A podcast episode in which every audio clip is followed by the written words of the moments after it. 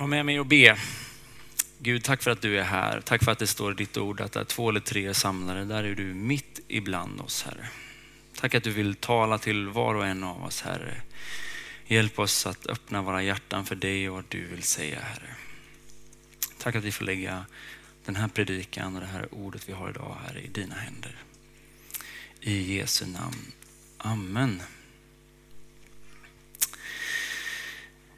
Det här är andra söndagen i våran serie som vi kallar Hur hel kan man bli? Vi predikar utifrån AAs 12-stegsprogram och förra veckan så predikade jag om att bekänna sin maktlöshet. Idag så är det steg två vi ska gå igenom och jag tänkte vi ska läsa det tillsammans.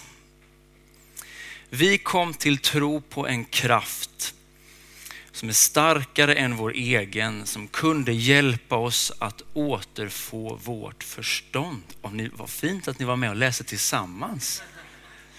Det var nästan som man vill göra det en gång till. Ska vi göra det? Det känns lite skönt att göra det här. Är ni med? Ja, då läser vi det tillsammans. Vi kom till tro på en kraft starkare än vår egen som kunde hjälpa oss att återfå vårt förstånd. Och så ska jag läsa bibelordet som jag ska predika utifrån och det är Hebreerbrevet kapitel 11 och vers 6. Där står det så här. Utan tro är det omöjligt att behaga Gud. För den som kommer till Gud måste tro att han finns och att han lönar dem som söker honom. Både det här andra steget och det här bibelordet ställer ju frågan om tro. Vad är det egentligen att tro och vad är det att ha tro? Jag tror att de flesta människorna ändå tror på något. Även om man liksom inte vill ha någonting med organiserad religion att göra så är i alla fall min känsla att ganska många kan ändå säga, ja men jag tror på något. Ju mer vi liksom upptäcker av universum, ju svårare tror jag att det är att faktiskt vara ateist och säga att jag tror att allting bara är en slump ju mer och mer vi upptäcker, ju mer vi inser hur komplex den här världen vi är i, ju svårare är det att säga jag tror inte på något. Det här är min helt ovetenskapliga bara blick. Jag har ganska många som jag känner som inte sätter sin fot i kyrkan, men jag känner väldigt få ateister. De flesta kan ändå säga, men jag tror på något. Sen är frågan, vad är det jag liksom tror på? Som på något sätt blir den, den stora frågan. För några veckor sedan så hade jag eh, några elektriker hemma hos mig. Jag har en, en liten vana att jag gillar att bjuda hantverkare på kaffe. Tycker alltid att det blir roliga samtal. Och det blev det också den här gången. För en av de här elektrikerna, han liksom visste ju att jag jobbade i kyrkan och så sa han, ja, men du, tror du verkligen på Gud och Bibeln och Jesus och alla de där grejerna? Och så sa jag, ja, det tror jag på. Och så tittade liksom hans kollega lite fram vid sidan och sa, frågade du prällen om han tror på Gud? Han tyckte liksom det var den dummaste frågan han någonsin hade hört. Och så sa han, alltså det, det är ju som du skulle fråga mig om jag tror på el. Det är klart prällen tror på Gud. Och så svarade jag någonting lite flummigt. Jag tyckte liksom synd om honom. Jag tyckte inte det var en så jättedum fråga. Så jag svarade något lite flummigt. Nej men det är inte en så jättedum fråga. Lala. Och sen efteråt så kom jag på så sjukt bra svar. Som jag, alltså det här är ju det jag skulle ha sagt. Nu får ni hänga med, jag sa inte det. Men ni vet man sitter efteråt och tänker på det här så tänker man bara, varför sa jag inte det? Ja! Att tro på el exakt samma sak som att tro på Gud. Alltså jag har aldrig sett el. Har upplevt el några gånger i mitt liv. Jag är uppväxt på landet, jag har tagit elstängslen. Men varje dag så ser jag tecken på att el finns. Jag går ut i vardagsrummet, jag trycker på en knapp och lyset tänds. Vet du vad, om du skulle fråga mig om el så kan jag inte sådär jättemycket. Jag kan inte svara på alla frågor om el. Men allt mitt förnuft säger mig att det finns el. Allt mitt förnuft säger mig att det finns en god skapare av universum. Jag har aldrig sett Gud. Vid några tillfällen i mitt liv så har jag fått uppleva Guds kärlek på ett övernaturligt sätt. Men varje dag ser jag tecken på att Gud finns. Jag ser mina barn i ögonen. Jag ser naturen och hur fantastisk den är. Jag kan inte komma på någon bättre förklaring till universums uppkomst. Allt mitt förnuft säger mig att Gud finns. Ibland så hör man den här gubbkommentaren, ja tror, det gör man i kyrkan. Har ni hört det någon gång? Det är ju helt falskt. Vi tror ju hela tiden. Vi tror att bilen ska starta på morgonen. Vi tror att det blir en morgondag. Vi tror hela tiden. Frågan är ju, vad är det du tror på? Det här steget säger att du tror på en, vi bekänner oss till en större makt. Jag skulle vilja ge dig tre, tre enkla steg att fundera på. Vad är, det, vad är det jag ska erkänna? Vad är det jag ska tro på? Ja, men du behöver tro på att Gud faktiskt vet allting om din situation. Han vet det som är bra om dig. Han vet också det som är riktigt dåligt. Och det kan vara obehagligt. Men det är också goda nyheter för han älskar dig också. Du behöver tro på en större kraft. Han har koll på din situation. Du behöver tro att han faktiskt bryr sig om dig tror inte på en Gud som är långt borta, som är apatisk, som är helt obrydd om din situation. Gud bryr sig om dig. Och du behöver tro att Gud faktiskt kan göra någon skillnad för din situation. Det som är omöjligt för Gud, eller omöjligt för människor, är möjligt för Gud. Det här är ju nivå ett av liksom kristen tro. Och jag skulle kalla den här nivån av tron som tro utifrån eller som religion. Jag kan ta nästa bild här. Tro som religion. Alltså, jag säger liksom inte religion som någon sån här negativ ibland. Ibland hör man den här punchen att kristen tro är inte religion, det är relation. Det stämmer ju inte. Det är ju faktiskt en religion. Det är ett värdesystem som ger oss mening, som ger oss en känsla av identitet och som ger oss tillhörighet. Det är tro som religion. Vad är det, vad är det jag behöver bekänna mig till? Men jag tänker det här är ett första steg. Du behöver tro att Gud har koll på din situation. Du behöver tro att Gud faktiskt bryr sig om dig, ditt liv. Och Sen behöver du tro att det som är omöjligt för Gud faktiskt är omöjligt för människor, är möjligt för Gud. Tro som religion. Ett första steg. Och så tänker du, ja, men måste jag inte också tro på Jesus? Jo, vi också tro på Jesus. Om du är intresserad av vem Gud är vad han är för en Gud, ja, men då behöver du också titta och du behöver tro på Jesus. Så här står det i Kolosserbrevet kapitel 1 och 15. Han är Jesus alltså, den osynlige Gudens avbild, först född före allt skapat. Jag tänker det här är den klassiska frågan som folk brottas med. Vet. Jag kan inte tro på en Gud som... punkt, punkt, punkt. Nej, men kan du tro på en Gud som är som Jesus? Ja, då har du kommit ganska långt skulle jag vilja säga.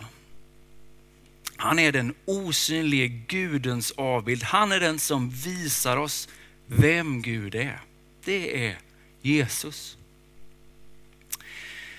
Jag tänker det här är ganska grundläggande. Det är någon slags startskott för att faktiskt ta emot tron i sitt liv. Att tro att Gud är större än vad jag är, vad mina problem är. Han bryr sig faktiskt om mig.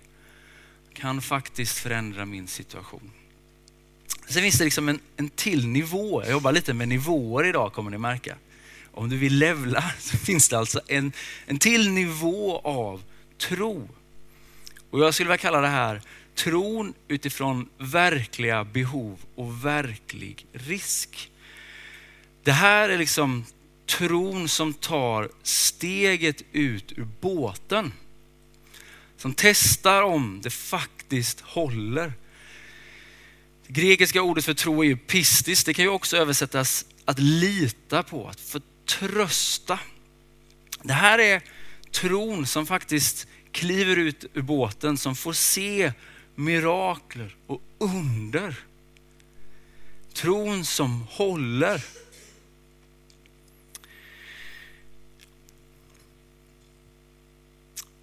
Och inse liksom att, som Jonas var inne på lite innan, vi lever ganska kontrollerade liv. Vi har de här värdena, vi har ekonomi, vi har samhället som har väldigt mycket ansvar. Det är väldigt sällan som man behöver gå utanför den här bekvämlighetszonen. Det är väldigt sällan man kanske har verkliga behov. Jag säger inte att vi inte har verkliga behov. Vi har behov, men vi är ganska bra på att dölja dem. Och vi måste inte utsätta oss för risk hela tiden. Det här tror jag gör att våran tro blir ganska mycket uppe i huvudet. Vi grubblar, vi funderar, en del dekonstruerar, man plockar ner tron i liksom beståndsdelar. Vi ger inte Gud chansen ens en gång. Alltså träffa någon kristen som kommer ifrån någon annan världsdel än väst. Och de är, har inte tron uppe i huvudet. De har inte samma grubblerier som du och jag brottas med. De har liksom hjärtat fullt av berättelser om vad Gud har gjort i deras liv. Det är den hårda sanningen. Och inser när jag träffar liksom Thomas som var här förra veckan och vittnade. Kom från Anka-stiftelsen och har lång erfarenhet av, av både kriminalitet men också AA och har liksom tagit sig ur sitt beroende. Jag pratade med honom inför den här liksom förra veckans gudstjänst så säger han så här, ja men David när jag vaknar upp så är det en kamp varje dag att följa Gud eller följa djävulen. Och jag inser när jag liksom pratar med honom att jag, så har inte jag alltid tänkt. Att det är, en, det är en kamp. Ibland så försöker jag liksom förklara för min fru att det är en kamp på morgonen. För jag är den som lämnar förskolan. Och det är en viss typ av kamp. De ska kläs på, de ska äta, de ska borsta tänderna, de ska ta cyklarna, cykla till förskolan. Men det är något annat. Det är en kamp emot trotsig treåring. Det är inte en kamp emot djävulen i flaskan. Alltså om du har satt din fot på ett AA-möte, då har du verkliga behov. Och du inser också att du dealar med verklig risk. Det handlar om, ska jag ha kvar liksom kontakten med mina barn eller inte? Det här är bara något jag fascineras av. Det är på riktigt. Verkligen, verkligen på riktigt. Och jag tror att vi som församling, vi behöver det här. Vi behöver vakna till. Jag försöker inte säga att vi inte har behov. Vi har behov. Men vi liksom skyler över dem, putsar till fasaden lite och tänker att ja, alla brottas med någonting.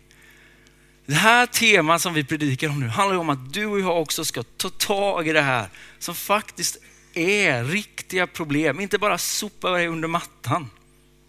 Utan faktiskt ta tag i det. Och jag tror att Gud har så mycket mer för oss. Jag tror att vi kommer ha fler behov i framtiden. Jag tror att vi kommer ha större risk också. Men jag tror också att vi kommer få uppleva mer av Gud. Ska vi söka det här? Ska vi liksom söka mer av det andliga? Ska vi söka mer av Gud? Mer av under och tecken? Ja! Jag tror på riktigt att vi behöver det. Men vi ska inte tro att vi har ett liksom förhandlingsläge med Gud.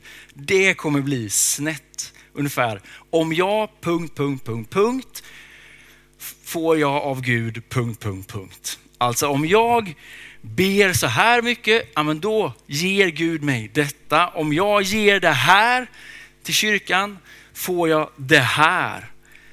Vi står inte i den typen av förhandlingsläge med Gud. Det finns en fantastisk bön i Markus evangeliets nionde kapitel. Där står det om Jesus och han botar en son till en man. Och Jesus säger till den här mannen att ingenting är omöjligt för Gud eller ingenting är omöjligt för den som tror. Och då ber den här mannen, Herre, jag tror, hjälp min otro. Jag tänker att det där är en, det är en bön som många av oss skulle behöva be. Gud, jag tror. Hjälp mig med min otro. Det finns en till nivå. Hoppas att jag lockar med detta nivåsökande. En till nivå av tro. För ibland är det så att miraklet inte sker. Och då finns det också tro. Det är tro oavsett utfall. Och det finns överallt i Bibeln. Det är tron Jesus har när han ber Getsemane. Låt din vilja ske, inte min. Det är tron som Jobb har när han sitter i ruinerna av sitt eget liv. Det är tron som Jona har när han är i som fiskens mage. Det är tron som Petrus har i fängelset. Det är tron som bär oavsett om det där undret eller det där tecknet sker. Det är tron som bär även när det inte blir som du eller jag vill eller önskar. Det finns ett bibelord som är klurigt som jag tänkte avsluta med att läsa. Det står i Matteus evangeliet. Saliga är de som sörjer, för de ska bli tröstade. Alltså ibland så har man läst det här bibelordet. Saliga är de som sörjer för att de ska liksom bli tröstade någon gång i framtiden. Ni vet, du sörjer nu, i himmelen så kommer du bli tröstad. Och jag tror att det också gäller, att vi blir tröstade i himlen. Men det finns inte i den här versen. Tröstade, det finns inget liksom futuristiskt i de här grammatiska liksom böjningarna av det här ordet. De som kan liksom mer grekiska och mer hebreiska än vad jag kan menar att ja, men, det, här är, det här är nutid. Saliga är de som sörjer. Hur hänger det ihop? Hur kan den som sörjer, hur kan den som liksom går igenom förlust också vara den som är salig? Det låter liksom som en motsättning. Jag tror inte att det är en motsättning. Vi bjuds inte in att liksom söka sorg och smärta och lidande. Men vi bjuds in att se på sorg och smärta som en lärare av livet, en lärare av tron. Det är bara den som har fått liksom lämna sitt hus och sina ägodelar som på riktigt vet att ägodelar inte spelar någon roll. Det är den som har förlorat någon nära och kära som vet vad saknad är.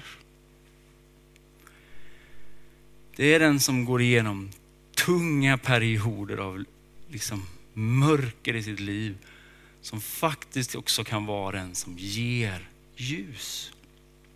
Och låter kanske som en klen tröst om du är här mitt i det liksom mörkaste mörka. Men ljuset lyser starkare i mörkret. Det finns en tro som är mer än att bara tro för mirakler. Det är faktiskt att tro oavsett utfall. Den tron kommer bära genom allt. Lovsångsteamet kan göra sig lite redo.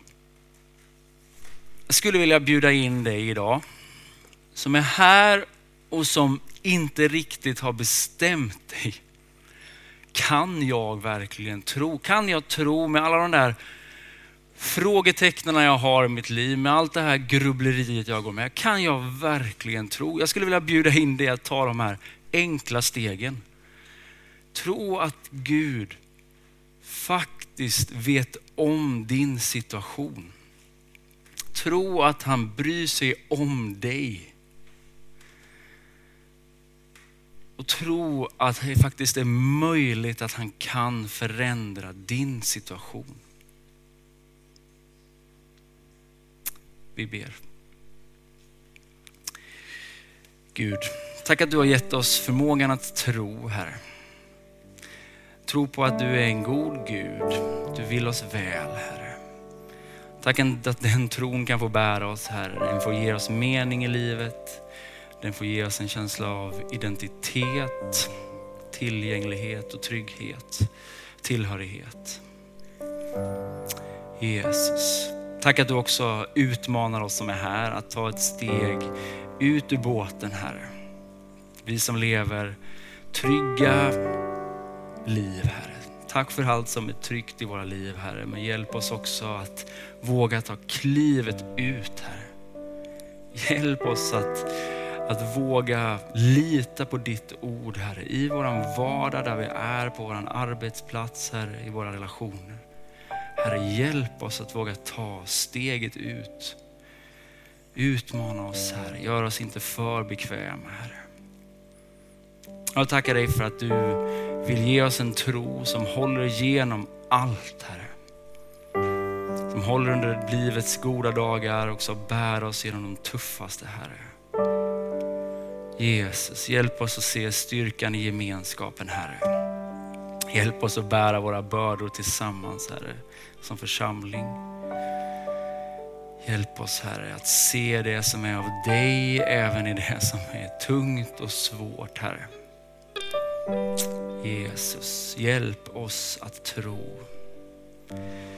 Gud, jag tror, hjälp min otro. Du ser den som vill be den bönen den här dagen, Herre som kanske har mycket funderingar i huvudet, Herre. Jesus, låt tron få landa i våra hjärtan, Herre. Även denna söndag. Fyll oss med berättelser om vad, vem du är och vad du gör för oss, Herre. Fyll våra hjärtan av tro. Jesus.